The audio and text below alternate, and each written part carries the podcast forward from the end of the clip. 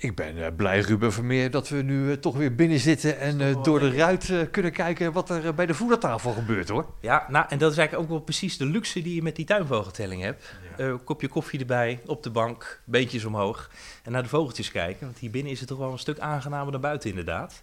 Ja, maar waarom houden we die tuinvogeltelling dan niet gewoon in de zomer? Waarom moet het nou per se in die koude winter? Nou, dat heeft voor een heel groot deel te maken met het, het voedsel wat ze door het jaar heen eten. Eh, veel vogels die we nu in de tuin zien, zijn eh, in het voorjaar of in de zomer, schakelen die eigenlijk over naar een veel eh, eiwitrijker en veel dierlijker menu. Insecten, kevertjes, nachtvlinderrupsen, noem maar op. Ehm, en ehm, ja, dan kan je wel een, eh, een bakje met zaadjes neerzetten. Eh, maar heel veel vogels hebben er helemaal geen trek in. Die insecten natuurlijk toch gewoon wat afwisselender. Ja. Nou, en het is eigenlijk ook een heel stuk beter voor die vogels dat ze ja, eh, zo natuurlijk mogelijk voedsel op dat moment krijgen. De jongen moeten daarvan opgroeien. Ehm, en in de, in de winter kunnen ze prima met zaad mee, mee uit de voeten. Maar in de zomer hebben ze toch echt insecten nodig. Dat is veel beter, een veel beter dieet. Ehm, dus zodoende doen we die telling ook in de winter. Ehm, Want dan komen ze tenminste af op onze zaadjes. En, Exact. en, ja. en we hebben op dat moment ook eh, eh, meer vogels in zekere zin in deze omgeving. Eh, de vinken komen uit het noorden. Dus allerlei trekvogels eh, die je in de zomer bijvoorbeeld hier niet hebt. Die zijn in de winter wel aanwezig. Ehm, en die laten zich lokken door, eh, door voer. Ja, en dat maakt het leuker natuurlijk. Hoe meer soorten vogels, hoe Ja. interessanter het, eh, het natuurlijk wordt.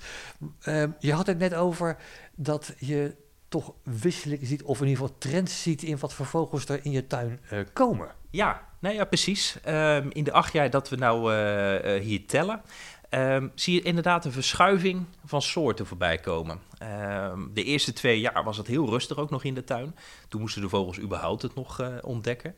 En vervolgens zagen we vogels die hier in de omgeving broeden en die hier ook overwinteren, die zagen we terug. Eh, de, de ringmus kwam nog wel eens in de tuin voor. Eh, en een hele gave, de geelgors. Ehm, maar dan is het toch ook wel een beetje treurig dan in die zin dat dat precies twee soorten zijn die het eigenlijk landelijk ook ja, slecht hebben. Ehm, Ze kom je nu ook dus niet meer tegen in je nee, tuin. nee, nee, Eh, ehm, vier jaar geleden was voor het laatst dat de geelgors in de tuin zat. Eh, en hij broedde hier ook in een houtwal hier naast het huis. Eh, maar daar is hij ook verdwenen. Ehm, en dat is eigenlijk wel een landelijke trend waarbij je ziet dat die, ja, noem het boerenlandvogels, het toch slecht hebben. Die, die overhoekjes waar ze hun voedsel in kunnen vinden, ja, die zijn verdwenen. En dan vinden ze misschien nog een beetje voedsel in de tuin, maar dat is onvoldoende. Ik hoor dat kleine Luc het er helemaal mee eens is, hè? Nou ja, precies. Die, eh, die deelt die zorgen om het landschap eh, om ons heen.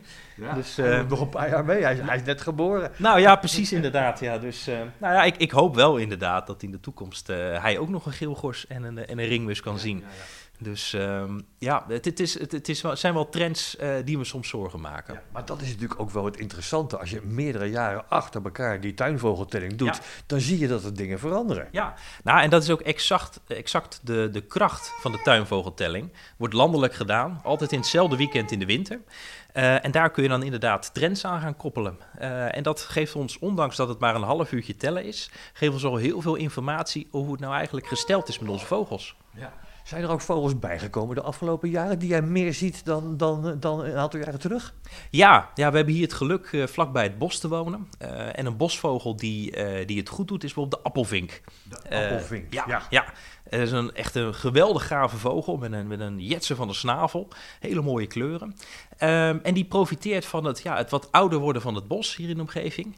Ehm, die is daar enorm in aantallen toegenomen. Eh, en die is echt verzot op zonnebloempitjes. En met name de zwarte. Nou ja, dus die, eh, eh, die is in de tuin nu te vinden. En ja, met regelmaat komt af en toe de appelvink hier langs. En dat is een soort die we voorheen... Nou ja, dan was je helemaal blij als je die tijdens een rondje vogelen in het bos had gezien. En nu komt hij steeds vaker op de voedertafel. Nou, ik ben reuze nieuwsgierig wat het gaat worden. Ik zie dat het al een beetje licht begint te Ja, worden buiten. de- Eh, zullen we nog even wachten met tellen? Ja, de, de pimpelmezen die hier eh, eh, in, de, in de kastjes geslapen hebben, die, die zitten nou een beetje wakker te worden. Ehm, maar het is nog net te donker. Laten we nog heel even wachten. Wachten we nog eventjes.